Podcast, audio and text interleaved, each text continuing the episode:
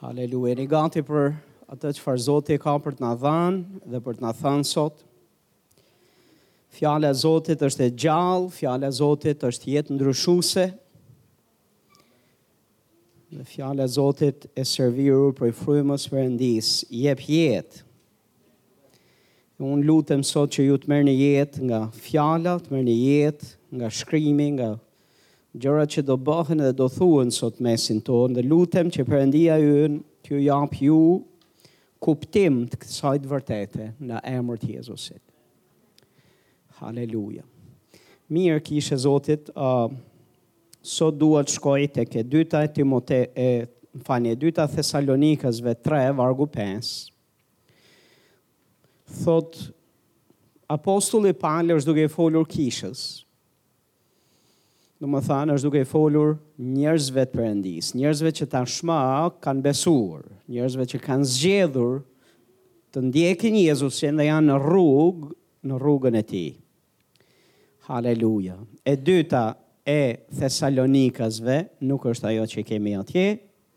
Kapitulli 3 vargu 5 thotë: Edhe Zoti i drejtoftë zemrat tuaja te dashuria e Perëndisë dhe tek qëndrueshmëria e Krishtit. Dikush thotë amen. Domethanë, Pali është duke shprehur edhe dëshirën e vet, po është duke bërë një shpallje besimi më shumë se sa një shprehje dëshire. E di, ne jemi mësuar që të bëjmë urime për vit të ri, për Krishtlindje, për festa, për Edhe shumica e rasteve dhe shumica e urimeve që i bëjmë njëri-tjetrit, me të thënë drejtën, as nuk procesojnë që të kalojnë nga nga nga goja të jenë për nga zemra. Nuk ka lidhje me zemrën, po janë mësuar përmendsh. Edhe janë urime të cilat, domethënë, i themi, por nuk i kemi menduar realisht që të qëndrojmë dhe të ndalojmë për to. Kjo është një nga ato dëshira e cila është e frymëzuar prej Frymës Shenjtë. Nuk është klishe dhe nuk është thjesht një e folur për ta mbyllur bukur, por është një shkrim që ka rëndësi dhe peshë përpara Zotit. Apostulli Pal i flet Kishës dhe iu thotë këtë gjë, Zoti i drejtoftë zemrat tuaja. Domethënë u dashka që Perëndia ta drejtojë zemrën tonë. Mund ta drejtojmë vetë, mund ta drejtojnë tjerët, ose mund ta mund t'i lutemi dhe kërkojmë Perëndisë dhe të lejojmë Perëndinë që të drejtojë e orientojë zemrën tonë. Pali thotë e orientoftë e drejtoftë zemrën tuaj Perëndia ku? Thotë tek dashuria e Tij, tek dashuria e Perëndisë dhe te qëndrueshmëria e Krishtit. Te fakti që Perëndia na do të na do të na bëjë të qëndrueshëm. Do të na bëjë të fortë. do të na bëjë të palëvizshëm në çdo lloj situate, rrethane, stuhie që përplaset mbi ne, ne të jemi njerëz të qëndrueshëm, njerëz që qëndrojmë, jo njerëz të lëkundshëm, jo njerëz me dy mendje, jo njerëz që ecim e tërhiqemi mbrapa, po jemi njerëz të cilët përparojmë në Zotin. Dhe më lini t'ju mësoj sot, sepse dua që Perëndia ynë të na e orientojë zemrën sot tek dashuria e Tij. Dhe dua t'ju them që qëndrueshmëria e Krishtit nuk mund të vijë në qoftë se fillimisht nuk na drejtohet zemra tek dashuria e Tij. Janë të lidhura me njëra-tjetrën. Kurrë nuk do mundemi të kemi një jetë të qëndrueshme, stabil, stabilizuar, në qoftë se ne nuk kemi zemrën tonë të stabilizuar në dashurinë e Krishtit, në dashurinë e Perëndisë. Nëse ne nuk e njohim atë dashuri dhe nëse ajo dashuri nuk e ka dhënë efektin e vet në zemrat e në jetët tona. Por Fjala e Zotit thotë, Zoti e drejtoftë zemrat tona. Zemra jonë mund të drejtohet kudo. Mund të drejtohet kudo. Por Zoti do që të drejtohet diku.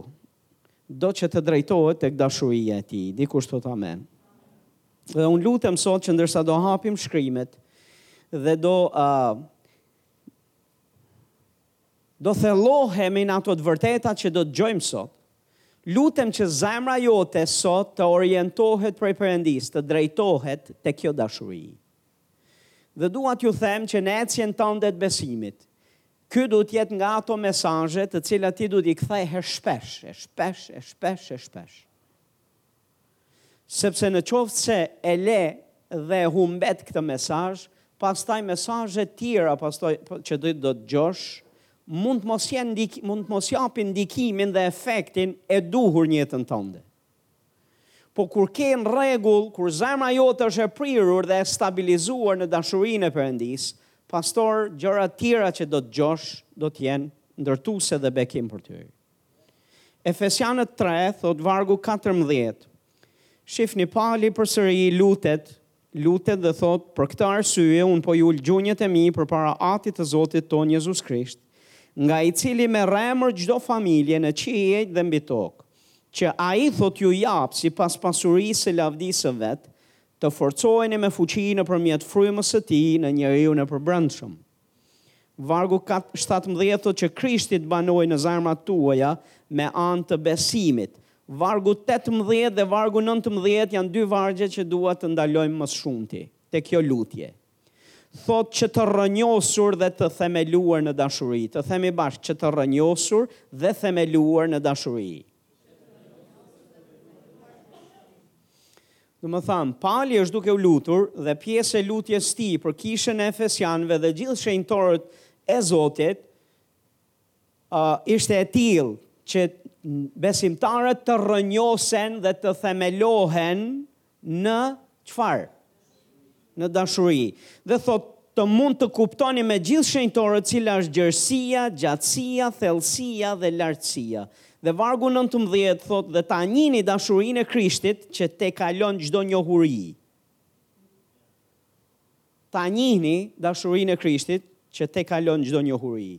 Tani, po ndaloj pak te vargu nëntëmbëdhjetë, Pali është duke u lutur që ne të njohim dashurinë e Krishtit që tejkalon çdo njohuri.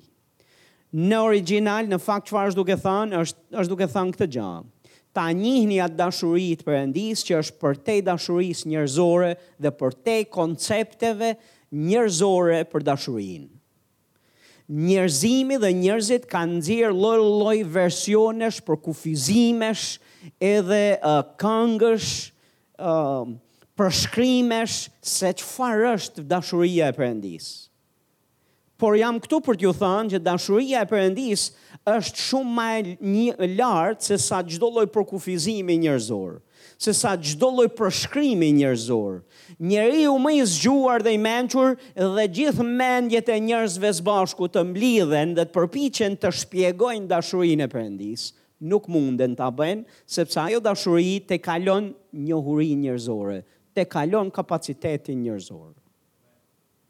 Aq më tepër që njeriu është i prirur ta shohë dashurinë në egoizëm. Dashurinë, dashuria dhe dhe egoizmi shkojnë shkojnë me ta. Dashuria dhe interesi, kurse lloji i dashurisë së Perëndisë është komplet i një niveli tjetër. Dhe Pali aq, është aq e madhe kjo dashuri e Krishtit, saqë Pali lutet që ne ta njohim dhe na inkurajon ne që të lutemi ta njohim këtë dashuri. Sepse ne mund të kemi dëgjuar për këtë dashuri, mund të dimë vargje rreth kësaj dashurie, por zbulesë të vërtetë, a e njeh vërtet dashurinë e Krishtit apo jo? Dhe, dhe fryma e Perëndisë, kur ti lutesh, fryma e Perëndisë do të ta zbulojë, do të japë ty jo vetëm njohurinë e dashurisë, po dhe shijen e dashurisë dhe zbulesën e asaj dashurie. Dhe na të mua më tregon që kisha e Zotit do ta përfshijë në lutjen e vet, jo që të kemi më shumë dashuri, Ne duhet ta përfshijmë jo nëpër kangët tona që të na japë Zoti më shumë dashuri, sepse askund në Bibël nuk është ky lloj inkurajimi që që ne t'i lutemi Perëndisë të na dojë dhe t'i kërkojmë më shumë dashuri. Tani nëpër kangë ne dëgjojmë gjëra të tilla, më shumë dashuri Zot na jep. Po më lini t'ju them, Zoti nuk ka ça t'japë ma shumë dashuri, se gjithë dashurinë e Tij e ka derdhur dhe e ka dhe na e ka dhënë, dhe nuk na e ka kursyer. Por çfarë duhet të lutemi sipas Shkrimit është duhet të lutemi që ne ta njohim dashurinë e Krishtit që është dhënë për ne. Jo që t'na dojë Ai, jo që t'na japë, por që ta njohim atë që tashmë na është dhënë. Vargu 18 thotë që të rrënjosur dhe të themeluar në dashuri. Përmenden dy fjalë jo rastësisht nga Pali, që të rrënjosemi dhe të themelohemi. Fjala rrënjosje ka të bëjë me rranjën, me rranjët e një peme apo jo. Besimtari është thirrur që të jetë i frytshëm. Dhe Bibla flet për fruta, flet për fruta, flet që besimtari duhet të japë fruta, fruta të bindjes ndaj Zotit, fruta të karakterit, fruta të natyrës së Perëndisë, frutat e frymës. Perëndia në shkrime, në Testamentin e Vjetër, në Testamentin e Ri, na krahason me pemë. Na krahason me, me, me një pemë uh, të mbjellë pranë brigjeve të ujit, gjethet e cilës supozohet mos fishken, por, a jeni këtu apo jo? Rrënjët janë shumë të rëndësishme te një pemë. Një pemë është e frutshme Një pemë është e gjallë, një pemë është e freskët, një pemë është e, është e bekuar, jep frut në stinën e vet në qoftë se rrënjët i ka të shëndosha dhe i ka pranë brigjeve të ujit. Këtë na thotë psalmi një. Lum ai që gjen kënaqësi në ligjin e Zotit, sepse është si një pemë e mbjellë pranë brigjeve të ujit. Dhe fakti që ajo pemë është e mbjellë pranë brigjeve të ujit, tregon edhe shëndetin dhe frutshmërinë asaj dikton frutshmërinë dhe jetën asaj peme. Rrënjët janë të rëndësishme. Gjithashtu Jezusi na flet tek Mateu, kapitulli pesë, na flet për një njeri të zgjuar dhe një njeri të, të marrë. Njeriu i zgjuar ndërtoi shpinën e tij në shkëmb. Njeriu i marrë e ndërtoi në rërë.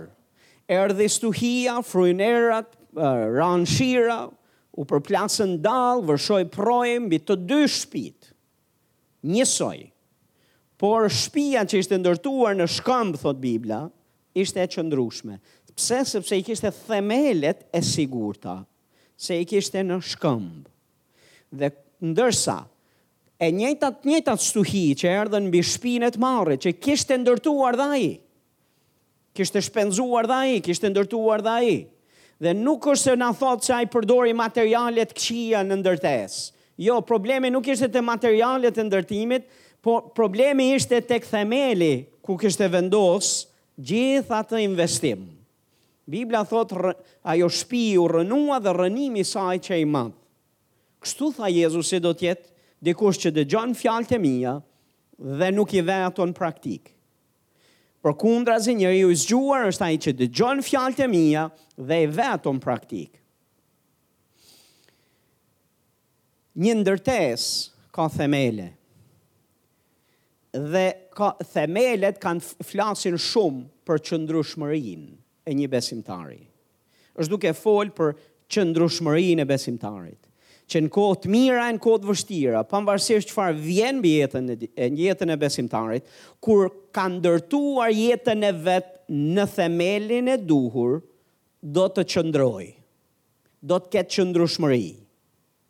Kur i ka rrënjët e shëndosha dhe i ka në burimin e duhur, pastor, ajo pemë do të jetë e gjallë, do të jetë e freskët dhe do të jetë e frutshme. Dikush thotë amen. Pali përdor të dyja këto fjalë në lidhje me dashurinë dhe lutet dhe thotë, lutem që ju të rrënjosur dhe të themeluar ku?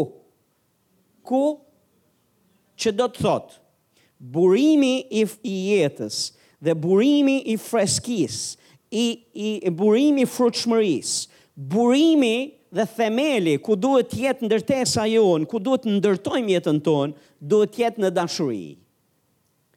Në çdo gjë tjetër, pastor, Jemi destinuar që të biem. Ndërtesa jonë është e destinuar të bjerë dhe gjithashtu ne do të thahemi e nuk do të japim dot frut.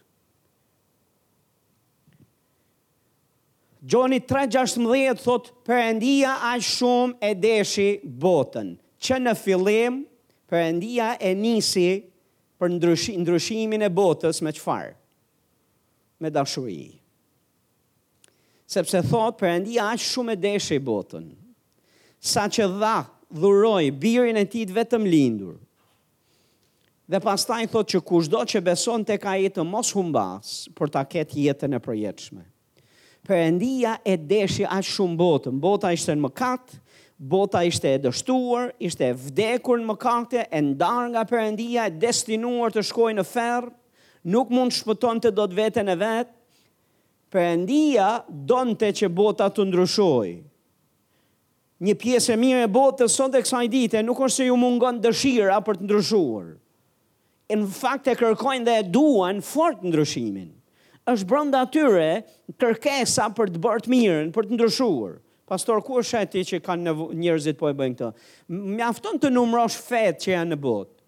Pastor, dhe mjafton që të shohësh se sa njerëz janë janë të dedikuar nëpër fe të ndryshme, dhe ti do të gjesh dhe do të kuptosh që njerëzit janë duke kërkuar ndryshimin. Perëndia donte ndryshim, njeriu don ndryshim, po Perëndia e diti e dinte se vetëm duke e kërkuar dhe duke kërkuar forcërisht ndryshimin, ndryshimi s'do vinte kurrë. Thjesht se njeriu ka dëshirë për të ndryshuar, ndryshimi përsëri nuk vjen. U desh dashuria. Thot Perëndia aq shumë e deshi botën dhe e nisi me dashuri, aq shumë e deshi botën sa dha birin e tij. Dashuria e Perëndisë është dhënëse dhe është sakrifikuese. Thotë dha birin e tij të vetëmlindur që kushdo që beson tek ai të mos humbasë, por të ketë jetën e përjetshme. Më lini t'ju them një gjë pastër. Në qoftë se ne nuk i kemi rrënjët në dashuri, në qoftë se ne nuk kemi themelet tona në dashurinë e Perëndisë, çdo gjë që do të ndërtohet, do të, është e destinuar të bjerë, është e paqëndrueshme. Dhe jeta jonë është çështje kohe ku do thahet, Jeta jonë e besimit, thashë, do të thahet dhe do të vijë një pikë ku nuk do të japim dot fruta. Sepse frutshmëria jonë, frutshmëria jonë, burimi i frutshmërisë tonë është dashuria e Perëndisë. Burimi i qëndrueshmërisë dhe i forcës tonë është dashuria e Perëndisë. Aty duhet të jenë themelet tona, aty duhet të jenë rrënjët tona. Prandaj Pali lutet, jo më kot për këto. Vini re, sa prej jush doni ta njihni Perëndinë? Në rregull, shumë mirë që gjithë duam ta njohim. Pali thotë që të rrënjosur dhe të themeluar në dashuri të mund të kuptoni me gjithë shenjtorët, cila është gjerësia, gjatësia, thellësia dhe lartësia. Është duke folë për dimensionet e Perëndisë, është duke folë për njohjen e Perëndisë. Po për, përpara se të njohësh Perëndinë, gjerësinë, gjatësinë, lartësinë, thellësinë e tij, Përpara se ta njohësh atë, ti ke nevojë fillimisht të rrënjosesh dhe të themelohesh në dashuri. Po nuk je rrënjosur dhe themeluar në dashuri, ti s'ke për ta njoft Perëndinë kurrë ashtu siç duhet. Tani s'mund ta njohësh vetëm, dhe ky është lajm i mirë, do ta njohësh bashkë me gjithë shenjtorët. Kështu që ka një pjesë të Perëndisë që do e njohësh ti dhe ka një pjesë të Perëndisë që s'ke për ta njoft ti vetëm. do ta njohësh bashkarisht me tjerët. Por shkrimi na thotë që të rrënjosur dhe të themeluar në dashuri të mund të kuptoni. Që do të thotë, në qoftë se ne nuk jemi të rrënjosur dhe të themeluar në dashuri, ne nuk mund të kuptojmë, sepse është kusht që ti të njohësh vërtet Perëndinë, ti duhet ta njohësh atë si dashuri. Dhe duhet të jesh i rrënjosur dhe themeluar në të. Shkrimi na thot këtë gjë tek e para e Gjonit, kapitulli 4, vargu 16, thot dhe ne njohëm dhe besuam dashurinë që Perëndia ka për ne. Perëndia thot është dashuri. Dhe ai që qëndron në dashuri, qëndron në Perëndinë, edhe Perëndia në të. Çfarë është Perëndia? Perëndia është dashuri. Po një shkrim tjetër tek këto tek e para Gjonit thotë kush e ka njohur, për, ne kemi njohur Perëndinë në qoftë se kemi dashuri. Sepse Perëndia është dashuri. Që na lë të ditur që kush s'e ka njohur dashur Perëndinë si dashuri nuk e njeh Perëndinë vërtet. Sepse Perëndia është dashuri, njerëz të Zotit. Zoti e drejtoftë zemrat tuaja tek dashuria e Perëndisë. Dhe është shumë e rëndësishme që të luteni, që ta njihni këtë dashuri, sepse kjo dashuri tejkalon mendjen njerëzore, tejkalon aftësi njerëzore për ta shpjeguar, është përtej njerëzores, ka nevojë për zbulesë të Perëndisë dhe ka nevojë që ti të lutesh. Ne nuk lutemi për më shumë dashuri, ne lutemi ta njohim këtë dashuri. Dhe lutemi që të rrënjosemi dhe të themelohemi në dashuri. Më lini t'ju them një gjë, besimi ynë nga çdo besim tjetër këtu e ka ndryshimin. Themeli ynë, rrënjët tona janë tek zbulesa e dashurisë së Perëndisë. Dakord, çdo besim tjetër, ti do ta do nëse rrëmon dhe kërkon, ti do të gjesh përpjekje njerëzore për të ndryshuar, edhe për të përpjekur për të dalë nga jeta e tyre, edhe nga nga gjërat që për, i, i, i sjell jeta, ndërsa besimi ynë ka themel dashurinë. Ka themel Perëndinë tonë si dashuri. Zoti e drejtoftë zemrën tënde. Tek kjo dashuri e Perëndisë. Tek e para e Gjonit, kapitulli 4, vargu 14, thotë dhe ne pamë dhe dëshmojmë se Ati e dërgoi Birin për të qenë shpëtimtari i botës. Ai që rrëfen se Jezus Krishti është Biri i Perëndisë, Perëndia qëndron në të dhe ai në Perëndinë. Dhe ne e njohëm, thotë dhe besuam dashurinë që Perëndia ka për ne. Perëndia është dashuri. Dhe ai që qëndron në dashuri, qëndron në Perëndinë dhe Perëndia në të. Në këtë, thotë dashuria u përsos në ne, që të kemi guxim në ditën e gjyqit, sepse sikurse është ai, po kështu jemi edhe ne në këtë botë. Në dashuri nuk ka frikë. Madje dashuria e përsosur nxjerr jashtë frikën, sepse frika ka të bëjë me ndëshkimin, Dhe ai që ka frikë nuk është i përsosur në dashuri. Ne e duam atë, vargu nëntëmbëdhjetë thotë sepse ai na deshi i pari. Dikush thotë amen. Tani këto janë vargje të jashtëzakonshme.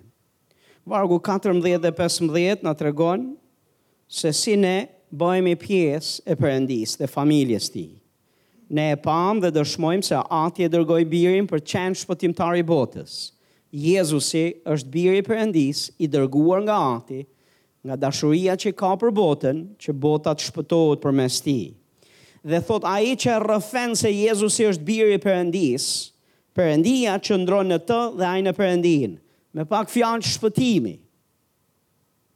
Vjen te dikush që rrëfen Jezusin si Zot dhe Jezusin si Bir i Perëndisë, si Shpëtimtar i vet. Vargu gjashtëmbëdhjetë thotë dhe ne e njohëm dhe besuam dashurinë që Perëndia ka për ne. Themi bashkë, e njohëm dhe besuam. Më përsëri përmend dy fjalë Gjoni, thotë ne e njohëm Por thotë dhe e besuam. Që do të thotë, ekziston mundësia që ti ta njohësh dashurinë e Perëndisë, po mos ta besosh. Ti mund të njohësh dashurinë e Perëndisë, po nuk beson. Nuk e beson atë dashuri që Perëndia ka për ty. Dhe që dashuria e Perëndisë të përsoset në ne, Që do të thotë kur thotë kjo fjala përsosje që do e lexojmë prapë. Për përshkrimi i fjalës përsosje do të thotë që do të jap efektin e vet. Do të jap ndikimin e vet. Që dashuria e Perëndisë të të ndikojë ty, që dashuria e Perëndisë të jap efektin e vet në të, në tek ti, ka nevojë që ti ta njohësh edhe ta besosh atë dashuri. Momentin që ti merr njohurinë e kësaj dashurie, është momenti ku ti duhet të zgjodhë, zgjedhësh të besosh dhe të thuash po unë e besoj se Perëndia ka dashuri për mua. Perëndia dha birin e tij të vetëm nga dashuria që ka për mua që unë të shpëtohem, po unë e besoj. Dhe kur ti e njeh njeh dashurinë e Perëndisë dhe e beson, ajo dashuri ka për të dhënë efektin e vet. Në qoftë se nuk e nuk e beson dashurinë e Perëndisë, ajo dashuri nuk ka për të dhënë efekt. Në qoftë se s'e njeh këtë dashuri, përsëri dashuria e Zotit nuk do të jap efektin e vet në ty. Dhe më lini t'ju them nga shkrimi se çfarë janë çfarë cili është efekti i dashurisë Perëndisë kur njihet edhe besohet. Ky shkrim na e thotë qartë.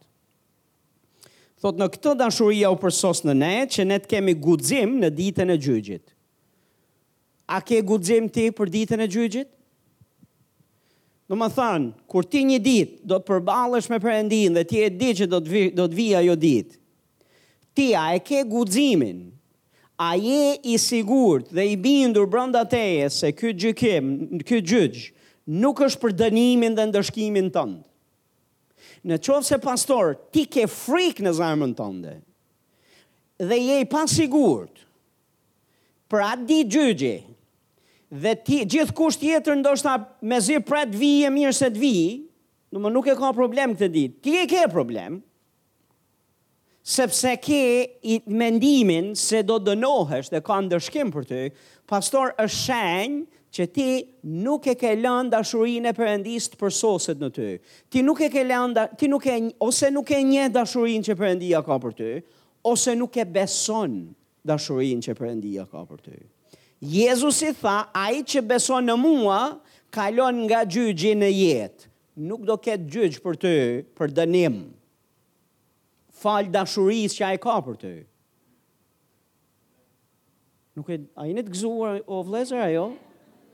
Haleluja. Në këtë dashuria u përsos në ne, thotë Gjoni. Në këtë gjë shohim efektin e dashurisë me pak fjalë, që ne kemi guxim Kemi bindje, kemi siguri se ne nuk për ne nuk ka dënim, për ne nuk ka gjykim. Dhe vargu vazhdon thotë sepse sikurse është ai, po kështu jemi edhe ne në këtë botë. Sikurse është ai, ashtu jemi edhe ne në këtë botë. Vargu 18 në dashuri thotë nuk ka frikë. Që do të thotë në qoftë se ka frikë në zemrën tënde, atëherë ka mungesë të njohjes ose të besimit të kësaj dashurie. Madje dashuria e përsosur thotë nxjerr jashtë frikën.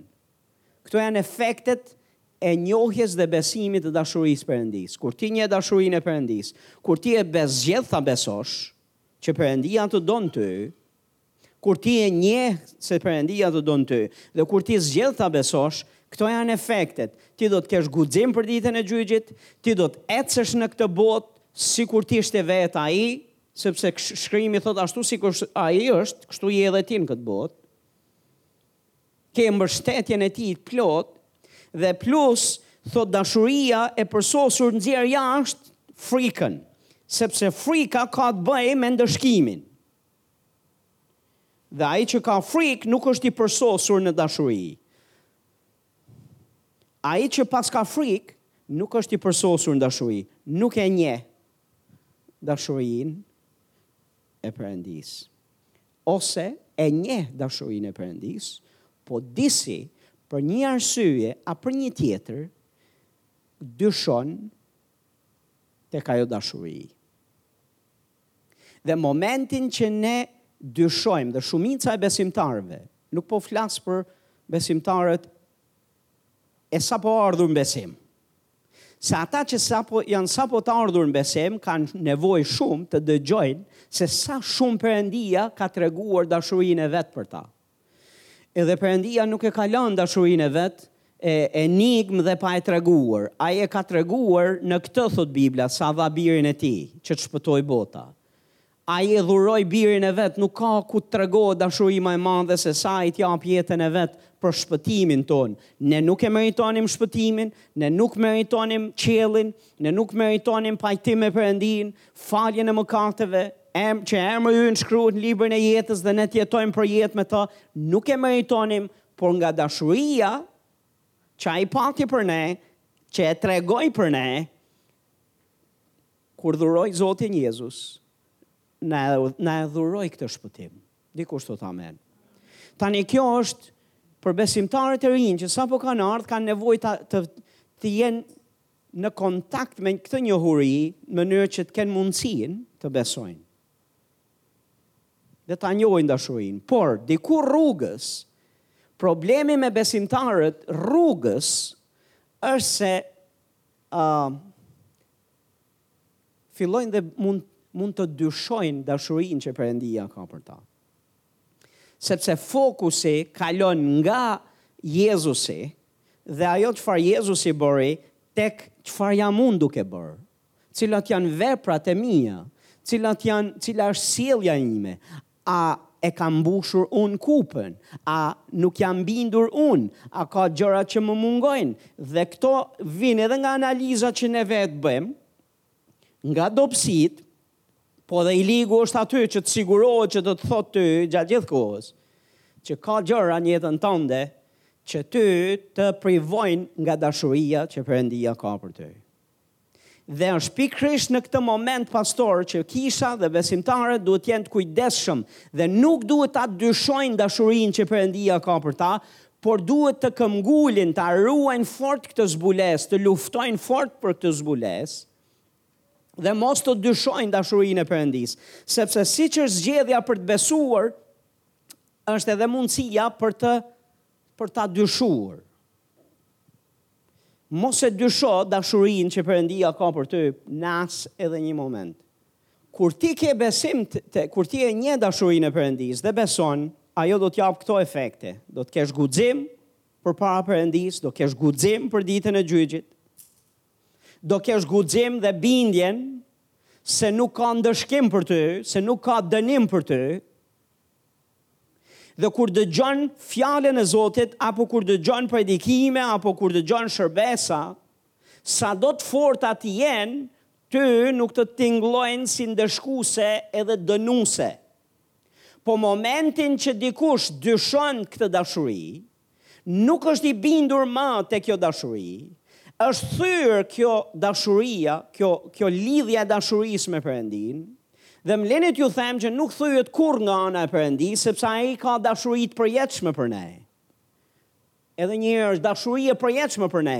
Po kush ndërhyn është ne mund të humbasim, ne mund të ne mund të humbasim zbulesën e kësaj dashurie ose ta dyshojmë këtë dashuri. Momentin që dyshon dashurinë, ikën guximi, zë vend frika dhe pastaj je vazhdimisht në një territor ku gjërat të duken ndëshkuese dhe dënuese. Dëgjon shkrime, të cilat mund mos të t'i thotë askush, po je thjesht duke lexuar. Ke tendencën që ti të shohësh veten nga ana e dënimit dhe e ndëshkimit. Do të gjesh vargje biblike që thonë njëri do merret, tjetri do rri. Dhe ti je ai që do ngelesh. Gjithmonë je ai që e mendon veten se je ai që do ngelesh, do merret gjithkush tjetër përveç teje. vargje të rënda me vargje me peshë që thonë kush domethënë ai që blasfemon frymën e shenjtë nuk ka falje për të disi ti e gjen veten këtu kush e di se ça duhet të kem thënë kush e di se ça duhet të kem bërë duhet ta kem kryer këto dhe ka vargje biblike të kësaj natyre që janë janë me peshë Një besimtar fillon pastaj dhe shikon veten në këtë anën e ndëshkimit. Dhe pastor, edhe kur dëgjon mesazhe korrigjuese dhe qortuese, në qoftë se nuk je i themeluar në dashurinë e Perëndisë dhe i rrënjosur në këtë dashuri, që do të thotë nuk e njeh këtë dashuri, Dhe nuk e ke, nuk beson te dashuria që Perëndia ka për ty. Nuk ka rëndësi pastor se çfarë bëhet, sa shumë punohet me ty, sa shumë investohet, sa shumë mesazhe jete të jepen, është e pamundur që ti të rritesh, e pamundur që ti të japësh frut, dhe është e pamundur që ti të ndërtohesh për të qenë i qëndrushëm, sepse e shef veten nga perspektiva unë jam Ah, Perëndia nuk e di a më do apo jo. Dhe është një është një një gjë me shumë peshë dhe i ligu pastor e sulmon fort këtë zbulesë. Dhe përpiqet të ndërhy pikërisht te kjo pika këtu, sepse nëse të bën ty të dyshosh dashurinë që Perëndia ka për ty, ti ke për të dyshu çdo gjë tjetër. Nuk ka rëndësi se çfarë flitet, ti gjithmonë do shohësh se për tjerët është ajo gjë, po jo për ty. Gjërat e mira janë për tjerët, gjërat e këqija dhe dënuese ndëshkuese janë për ty. Dhe është e tmerrshme të jesh nga ky krah. Pastaj do fillon dhe kjo gjëja këtu ndikon pastor, jo vetëm në marrëdhënie me Perëndinë, po më lini t'ju them edhe në martesë. Në qoftë se burrë grua, hyn ë thyrja dhe dyshimi tek dashuria që ka burri me gruan, njëri apo tjetri, hyn kjo lloj ideje dhe njëri prej njëri prej prej prej tyre përqafon idenë që tjetri nuk më do. Është i bindur, i sigurt që tjetri nuk më do. Pastor, më le të them këtë gjë, marr ajo marrëdhënie ka marrë fund atë ditë. Ka marrë fund marrëdhënia e afrisë, marrëdhënia e e e e e vërtetë që ka që duhet të ketë jetë dhe duhet të ketë romancë dhe duhet të ketë intimitet dhe duhet të ketë një komunikim zemre. Ka plot të cilët kanë humbur këtë dhe vazhdojnë të jenë të martuar. Po unë nuk jam duke folur për dy njerëz të cilët rrinë në një çati. Unë jam duke folur për njerëz që janë të lidhur me njëri tjetrin, që janë janë të lidhur ngushtë vërtet dhe kanë intimitet me njëri tjetrin. Momentin që thyhet besimi te kjo dashuri që kanë ndaj njëri tjetrit, ajo marrëdhënie ka përfunduar aty. Pastaj pastor, Do ketë grindje, do ketë keqkuptime, do ketë ftofje, do ketë mos rri me njëri tjetrin, do ketë lloj lloj pasojash, të gjitha këto pasoja fillojnë pastaj zinxhir një pas një. Pastaj çdo bisedë që thuhet, Dhe kur tjetri tenton të përpiqet të bëjë të mirën, nuk i lexohet më. Nuk i lexohet më pastor. Pse sepse është vënë në dyshim gjaja ma e madhe a më do tjetri apo s'më do. Dhe është shumë me peshë. Pastor edhe në marrëdhënie me fëmijët.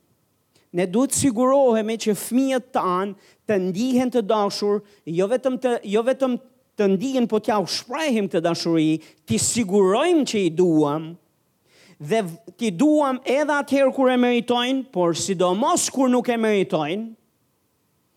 T'i duam me dashurinë e Perëndisë, njëlloj si Perëndia na do ne. Pastor, momentin që fëmijët tu janë të bindur dhe kanë kanë janë bind në zemrën mendjen e tyre që ti disi nuk e do, pastor kanë humb busullën. Pastor, pastaj çfarë do lloj mësimi, çfarë do lloj gjëje, çfarë do lloj gjëje që ti përpiqesh për të bërë, nuk ka për të dhënë efekt te ai fëmijë. Pse? Sepse fëmija nuk ndihet më se i përket familjes, nuk ndihet i mbrojtur, nuk ka siguri më dhe çdo gja që bën pastaj do të japë pasoja. Dhe nëse një fëmijë rritet me mungesën e, e kësaj sigurie, dashurie nga prindërit, pastor është çështje kohë ku do të fillojë pastaj të bëhet ose viktimë e botës atje jashtë, ose do të bëhet i dhunshëm atje jashtë. Është çështje një nga një nga sepse do të përpiqet që t'i japë përgjigje këtij boshllëku këtu, sepse ndihet i padashur. Momentin që diku që fëmija ngopet me dashuri dhe është i bindur në dashuri, pastor është shumë e thjeshtë. Ti mund të flasësh gjëra të vështira, gjëra me peshë, gjëra shumë shumë të ashpra, po fëmija asnjëherë nuk e nuk e merr me se, në sensin që ti E ke për të keq. Kush e di pse ia thua. Po momentin që fëmija është i pangopur, fëmijës fëmija nuk e di, nuk e ka bindjen se realisht prindi e do, atëherë pastor ti mund t'thuash gjëra shumë t'thjeshta dhe fëmija nuk ka për t'i lexu. Kur ti flet gjëra të ashpra për ndryshime dhe për gjëra të tilla e kërkesa që ti ke, ato pastaj kalojnë në e merren si ndëshkime. Pastor edhe në mar edhe në kishë. Në qoftë se nuk jeni të bindur që pastorët tuaj ju duen dhe ka një lloj hendeku në këtë drejtim. Pastaj pastor çdo gjë që thuhet nga ky podium, ti do ta marrësh sikur është ndëshkim për ty, sikur është dënim për ty. dhe nuk dhe nëse na pyet ne dhe ne ka plot raste që ne jemi jemi pase përballë me gjëra të tilla dhe jam këtu për t'ju thënë që ne as që jemi ndi për gjëra të kësaj natyre që janë kanë qenë personale drejtuara ndaj dikujt, por duken si të tilla. Problemi është pastor se është ky hendeku këtu.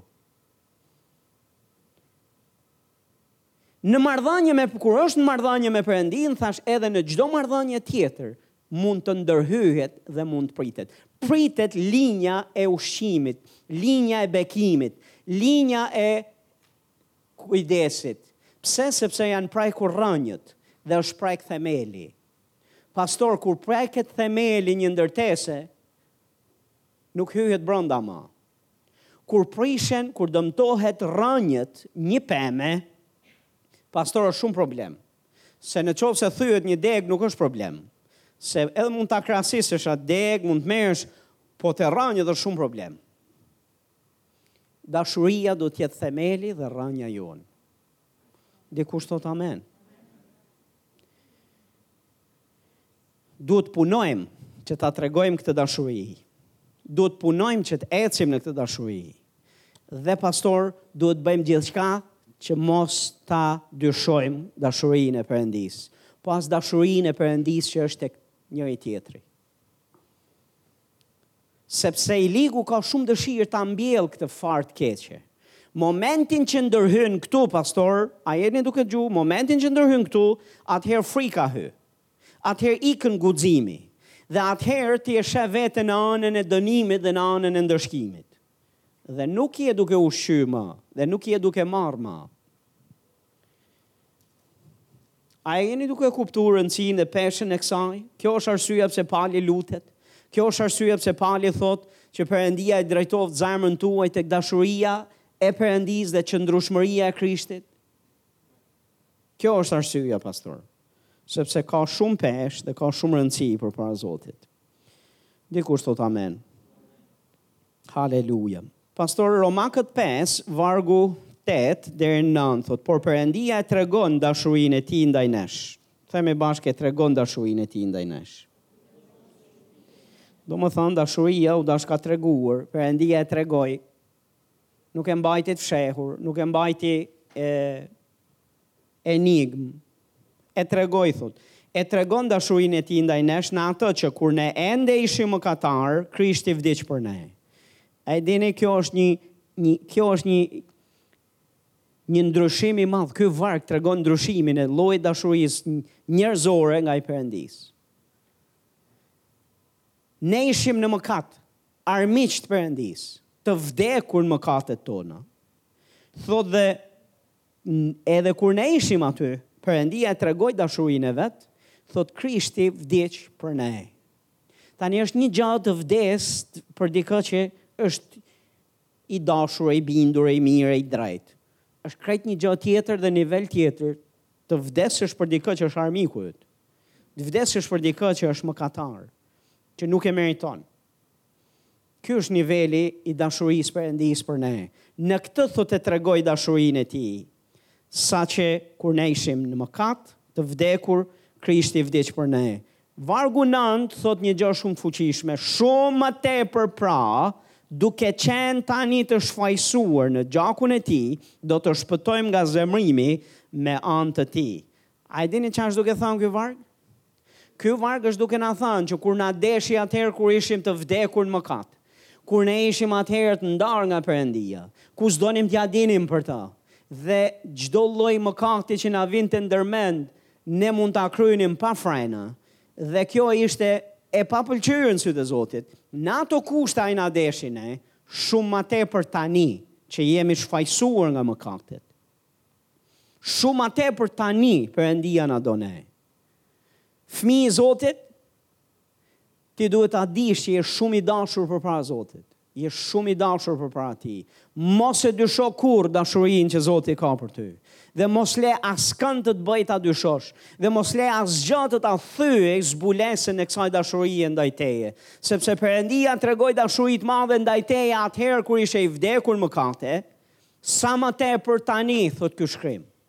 Sa më shumë tani që je i shfajësuar, që je i pastruar nga gjaku i Jezusit, që ke zgjedhur të besosh dhe je bërë fëmija i Tij, je bërë pjesë e trupit Tij, sa më shumë tani, do të shpëtosh nga zemrimi me anë të Tij. Ti s'ke nevojë të kesh frikë Perëndinë në sensin që do të ndëshkojë, se ai do të hedh zemrim mbi ty. Se ai do të të dënojë ty, se ai do të të ndëshkojë ty. Sepse Perëndia nuk është në anën e akuzuesit, nuk është në anën e dënuesit. Ai nuk ka dënim për ne. Ai nuk ka thashë dënim për ata që janë në Krishtin, nuk ka dënim më. Romakët 8 vargu 1. Nuk ka dënim për ata që janë në Krishtin Jezus. Te Romakët 8 pak më më poshtë tek himni i fitores thotë kush do t'ju dënojë? Krishti vdiq për ju. Për më tepër thotë u ringjall. Dhe për më tepër është i ulur në të djathtën e Atit Perëndi dhe ndërmjetëson për ju. Që do të thotë Zoti Jezus Krisht nuk lë që të dënohemi. Pse? Sepse u dënua vetë. në mënyrë që ne të jemi të shfajësuar. Dhe jo veç aq, por është i gjallë dhe ndërmjetëson para Atit Perëndi në mënyrë që ne të jemi të lirë nga dënimi, të lirë nga ndëshkimi. Perëndia nuk ka ndëshkim dhe dënim për ne. Është pjesë e dash, kjo është dashuria që ai ka për ty.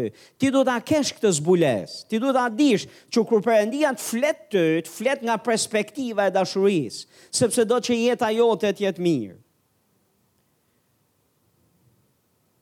Më lini t'ju them një gjë tjetër se ka shumë rëndësi. Uh, dashuria sigurisht që kërkon ndryshimin tonë. Dakord? Kërkon ndryshimin tonë. Po më lini të flas pak për këtë dashurinë, për dashurinë, sepse nuk është e akullt, nuk kërkon ndryshimin tonë e akullt dhe e distancuar prej nesh, Dashuria në fakt kur ti e njeh, kur ajo dashuri jep efektin e vet në ty, që do të thotë e njeh dhe e beson, kjo dashuri në fakt ka për të të ndryshuar ty. Është fuqia e Perëndisë për ndryshimin tonë. Nuk është e akullt që kërkon ndryshimin tonë. Por në fakt ajo dashuri, siç thashë, është fuqia e ka fuqinë e Perëndisë brenda për ta ndryshuar jetën tonë. Shifni çfarë thotë shkrimi e para e Gjonit 2, thotë djemtë e mi ju shkruaj këto gjëra që të mos mëkatoni. Domethënë, kërkesa është që të mos mëkatojmë. Dhe në qoftë se ndokush mëkatoi, thotë, kemi një avokat te Ati, i, nuk thotë kemi një akuzues tek Ati, por thotë kemi një avokat tek Ati, që do të thotë është dikush aty që është duke ndërmjetësuar për të mirën tonë. Thotë kemi Jezus Krishtin të drejtin. Vargu 2 thotë ai është shlyesi për mëkatet tona dhe jo vetëm për tonat, por edhe për ata të, ata të të gjithë botës. Domethënë, Jezusi çfarë bëka atje? Bën rolin e avokatit. për të shlyer mëkatet tona. Në qoftë se ka mëkatuar dikush, thotë, mos mëkatoni, po nëse keni mëkatuar, paskemi, paskemi tek Ati Jezus Krishtin, të drejtin, avokatin tonë, i cili bën shlyrjen e mëkateve tona, dhe jo veç tona, por gjithë botës. Pra nuk është aty për dënim, nuk është aty për ndëshkim, nuk është aty për të mbajtë shënime, për mëkatet tona dhe për të thënë për këto do të ndëshkohesh një ditë. Po bëka rolin komplet tjetër, nga dashuria që ka për ne, i drejti u ndëshkua për ne, u dënua për ne në mënyrë që ne të jemi të lirë. Dhe nga kjo e dimë se kemi njohur atë në qoftë se i zbatojmë urdhërimet e tij. Në rregull, ne duhet të zbatojmë urdhërimet e tij. Sa prej jush e dini se kjo është një gjë normale? Ne duhet të zbatojmë urdhërimet e tij. Mirë. Po vargu katër thotë, ai që thotë unë e kam njohur atë dhe nuk zbaton urdhërimet e tij, është gënjeshtar dhe e vërteta nuk është në të. Kështu që a e shihni këtu, duket që dashuria kërkon dhe pret ndryshimin tonë. Perëndia kërkon ndryshimin tonë, kërkon që ne të zbatojmë urdhërimet e tij. Mirëpo pastor nuk e ka lënë veç me aq. Vargu 5 shif çfarë thotë, por kush e zbaton fjalën e tij është në të, në të me të vërtetë dashuria e Perëndisë është përsosur. Nga kjo e njohim thotë se jemi në të. Ai që thotë se qëndron në të, duhet të ecë edhe vetë sikurse ka ecur ai. Po vargu pesë edhe një herë, kush e zbaton fjalën e tij në të, me të vërtetë dashuria e Perëndisë është përsosur. Domethënë kush zbaton thotë të vërtetën, kush bën gjën e fjalën e tij në të me të vërtetë dashuria e Perëndisë çfarë është bërë? Domethënë ka dhënë dashuria efektin. Kur dashuria e Perëndisë jep efekt në ty, ndryshimi ka për të ardhur dhe ndryshimi vjen për shkak të asaj dashurie që përsoset në ne. Dhe dashuria përsoset në ne kur ne e njohim Dhe kur ne e besojmë, njerëzit ndryshojnë për mirë, kur ngopen me dashuri, kur e njohin dashurinë, edhe kur uh, besojnë dashurinë. Një marrëdhanje martesore lulëzon, kur ka dashuri dhe kur nuk mungon besimi te dashuria e njëri-tjetrit. Çdo marrëdhanje lulëzon, marrëdhënia me Perëndinë njësoj. Ne ndryshojmë kur njohim dashurinë e Perëndisë dhe kur e besojmë ato. Kur ti je i sigurt dhe i bindur që nuk ka ndëshkim për ty, që Perëndia nuk është kundër teje, që nuk ka gjykim ndaj teje, që nuk ka ndëshkim ndaj teje, pastaj sigurisht që ti e do të bësh të mirën. Ti e kërkon, ti e do ta bësh të mirën. Le të shohim një një të vërtetë tjetër. Romakët 5, vargu 5, thotë, por shpresa nuk turpron, sepse dashuria e Perëndisë është derdhur në zemrat tona me anë të frymës së shenjtë që na është dhënë. Edhe një herë, shpresa nuk turpron, thotë, sepse dashuria e Perëndisë është e derdhur në zemrat tona me anë të frymës së shenjtë që na është dhënë. A e dini që kur i kemi thënë po Jezusit, fryma e shenjtë ka derdhur dashurinë e vet në ty. Ti ke dashurinë e Perëndisë që është brenda teje. Është derdhur aty, është në zemrën tënde. Është fakt, Bibla na e thotë këtë gjë. Ti e di dhe e di dhe e di, dhe çdo fëmijë i Zotit e di dhe e di përbrenda vetes, e di që është i dashur nga Perëndia, sepse është dëshmia e Frymës Shenjtë, Ai e ka derdhur Frymën e Vet, me anë të Frymës së Tij, dashurinë e Tij në ty. Po shihni pak vargun, fillimi i vargut pesë, thotë, por shpresa nuk turpron. Shpresa është një pritje, përkufizimi i shpresës është të presësh me bindje dhe siguri që premtimet e Perëndisë janë po dhe amen, që do të bëhen në jetën tënde. Është pritje e sigurt. Jo jo e pasigurt. Po është një pritje e sigurt. Ti ke pritshmëri të sigurt, ti ke bindje të sigurt se çfarë ka thënë Perëndia do të bëhet. Dhe thotë, kjo shpresë, domethënë, kjo pritje e sigurt, nuk turpron. Një mënyrë tjetër të thënit është që kur ti pret me siguri, nuk ke për t'u zhgënjyer. Në fakt, çdo premtim që Perëndia ka për ty, që është po dhe amen, ka për t'u kryer, ka për t'u bërë. Nuk do të turprohesh, nuk do të presësh kot, nuk do të humbasësh nga koha, energjia dhe e, bindjet e tua, nuk ke për të humb kur ti ke pritjen, kur ke shpresë, kur ke këtë pritje të sigurt. A je këtu? Por kushti është kjo, sepse thotë, dashuria e Perëndisë është derdhur në zemrat tona me anë të frymës shenjtë që na është dhënë. Domethënë, është duke thënë që fakti që ti ku e merr këtë siguri ti dhe bindje, ku e marrun këtë siguri dhe bindje që vërtet premtimet e Perëndisë që janë po dhe amen do të bëhen në jetën time. Ku ta di unë se Perëndia do më shërojë? Ku ta di unë se Perëndia do më bekojë mua, se do më mbrojë, se do më çlirojë, se do sigurojë për nevojat e mia, se unë do të shkoj në qiell? Sepse Perëndia më do. Pastor, sepse Perëndia më do. Unë do shërohem me anë plagëve të Jezusit, sepse Perëndia më do. Unë do jem i mbrojtur dhe i sigurt sepse Perëndia më do. Premtimet e Perëndisë janë po dhe amen për mua sepse Perëndia më do. Sepse e kam këtë bindje, sepse dashuria e Zotit e Perëndisë është derdhur në zemrën time me anë të frymës shenjtë që më është dhënë. Tashmë kjo dashuri është në mua.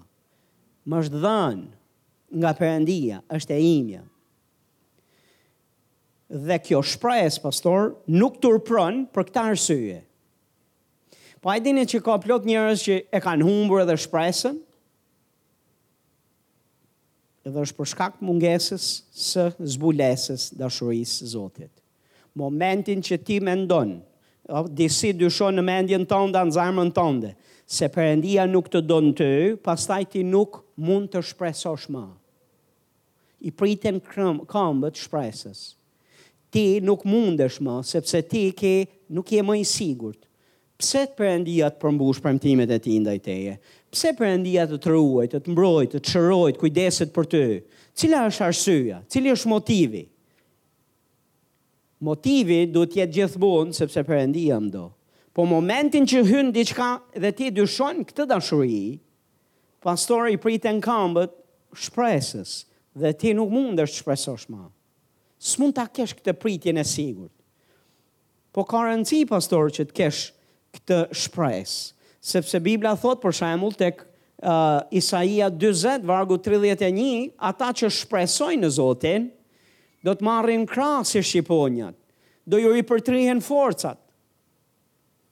Do vrapojnë pa u lodhur, do të ecin pa u lodhur. Kur ti ke nevojë për forcë, të tripërtrihen forcat, kur ti ke nevojë për krahë si shqiponja, kur ti ke nevojë që të marrësh forcë për të vrapuar dhe për të ecur përsëri në ecjen tënde të besimit, pastor, ti do të shpresosh tek Perëndia, po si të shpresosh në qoftë se ke humbë Busullën ke humb, ë, zbulesën se dash se Perëndia të don ty. Ky shkrim thotë Perëndia e ka derdh dashurinë e vet në zemrën tënde me anë të Frymës Shenjtë. Dhe për këtë arsye, pritja jote nuk do të shkojë dëm. Pritja jote mund të jetë e sigurt. Ti mund të jesh i bindur dhe i sigurt dhe mos u lëkund, pastor, sepse Perëndia do të të vijë në ndihmë. Pse? Sepse të do. Perëndia do të të shërojë. Pse? Sepse të do. Perëndia do të kujdeset që të të mos lërë, mos të të braktisë. Pse? Sepse të do. Perëndia do të të çlirojë në kohë nevoje. Pse? Sepse të do. dhe ti ke nevojë që të kujtosh dhe ta prehësh zemrën tënde te dashuria e Zotit. Të lutem lëre dashurinë e Zotit të përsoset në ty. Të japë efektin e vet në ty. E di um, si e jep, pastor, si përsoset dashuria. Thjesht pastor. Njihe atë dashuri dhe zgjidh ta besosh. Po pse duhet ta besoj një herë? Në qoftë se e njoh, pse duhet ta besoj? Sepse do kesh plot raste, do kesh plot situata ku do dëgjosh zëra kontradiktorë, të cilët do të të thonë ty, Perëndia të ka lënë, të ka braktisë dhe nuk të don ty. Për këtë arsye, atë arsye. Do ketë rrethana që do duken sikur Perëndia të ka lanë e të ka braktisë, sikur Perëndia është kundër teje, sikur është ndëshkusi yt, sikur është dënusi yt. Mund të ketë njerëz të cilët do bëjnë rolin e ndëshkusit edhe korrigjuesit edhe në sensin e, e ndëshkus edhe dënus. Po pastor, i ligu do do të sigurohet, tërthorazi apo drejtpërdrejt do të përpiqet të të bombardojë me ide të kësaj natyre që Perëndia nuk të do. Prandaj të duhet besimi, pastor, dhe duhet thuash, unë nuk ec me anë të ndjenjave dhe shikimit dhe me anë të mendimeve që qarkullojnë dhe zërave që qarkullojnë atje. Qar, I vetmi zë autoritar që unë besoj është zëri i Biblës, Është zëri i fjalës Zotit. Dhe nëse Perëndia e tregoi dashurinë e vet ndaj meje kur unë isha i vdekur në mëkate, sa më shumë tani që besoj dhe jam pastruar nga gjaku i Jezusit. Nëse kur e tregoi dashurinë e vet, atëherë kur unë isha mëkatar, duke dërguar birin e tij që të vdesë për mua, për shlyerjen e mëkateve të mia, edhe nëse kam mëkatuar dhe kam rënë në dobësitë e mia, përsëri tek Ati nuk është tutori im, nuk është ndëshkuesi im, nuk është Ai që më dënon, Ai që ka ndëshkim për mua, Ai që mban shënim mëkatet e mia, po kam Avokatin tim përpara Perëndisë, i cili ndërmjetëson për shlyerjen e mëkateve të mia që unë të jem i lirë. Që unë të mos ketë, që për mua mos ketë dënim. Jo, nuk e dyshoj dashurinë që Perëndia ka për mua, sepse është shkruar në fjalën e Zotit. Kur ai më deshi atëherë sa më shumë më do tani. Dikush thot amen. Është shkruar dashuria e Perëndisë është derdhur në zemrën time me anë të frymës së shenjtë që më është dhënë. Dhe frymën e shenjtë nuk e shoh e nuk e ndjej. Edhe as dashurinë nuk e shoh dhe nuk e ndjej, por e besoj. Dhe do ketë plot raste pastor ku ty do duhet që të besosh. Thjesht të thuash, unë besoj se Perëndia më do. Unë e besoj se Perëndia më do. Po nuk e ndjej, po punë e madhe se ç'ndjen. Ne nuk ecim mbas ndjenjave. Ne duhet të besojmë realisht që Perëndia na do. Pastor, në qoftë se një besimtar hyn në vorbullën, shkputet, i hyn dyshimi tek dashuria që Perëndia ka për të. Pastor, ndalon aty, ndalon rritja, progresi dhe frutshmëria e atij besimtari. Është çështje kohe kur do thahet dhe nëse kjo gjëja këtu nuk nuk korrigjohet, do do të largohet do të largohet prej Zotit. Në qoftë se hyn, thashë këtu, në qoftë se hyn këtu, do të çdo gjë që ndërtohet, do të jetë e kotë. E di sa e tmerrshme që një besimtar të vijë, të lexojë, të studiojë, të lutet, të bëjë gjithçka, të bëjë vepra të mira, të, të ungjillizojë dhe të bëjë dhe, po nuk është i bindur në zemrën e vet, se Perëndia ka dashuri për ta, Nuk e ka këtë bindje, nuk e ka këtë siguri. Çdo gjë është zbrazët, është fetarizëm. Çdo gjë bie, pastor. Nuk ka më ku të rri, nuk ka të ku të rri kjo ndërtesë, jeta jote. Pastor, mos e dysho dashurinë e Zotit, po ki besim tek dashuria që ai ka për ty. Ai ka dashuri të përjetshme për ty, pastor. Tek Romakët tetë, Bibla thotë asgjë s'mund të na ndajë nga dashuria e tij. Lexoni vargun 31 e poshtë deri në 37, 38, asgjë s'mund të na ndajë nga dashuria e tij. Asgjë. Sepse ai ka dashuri të përjetshme për ne. Ne duhet ta njohim dhe duhet ta besojmë. Kështu e lejojmë këtë dashuri të përsoset në ne. Pastaj mund të punohet, pastor. Po gjithashtu, kujdes në familje, kujdes në marrëdhënie me njerëzit, kujdes në marrëdhënie me fëmijët, kujdes në marrëdhënie me uh, burrë grua, në mënyrë që themeli i dashurisë mos preket dhe mos lëmë të ligun që të ndërhyjë te pek pikërisht te kjo lidhje që është lidhja e lidhja e shenjtë e Zotit, që është lidhje jete. Dhe kush thotë amen.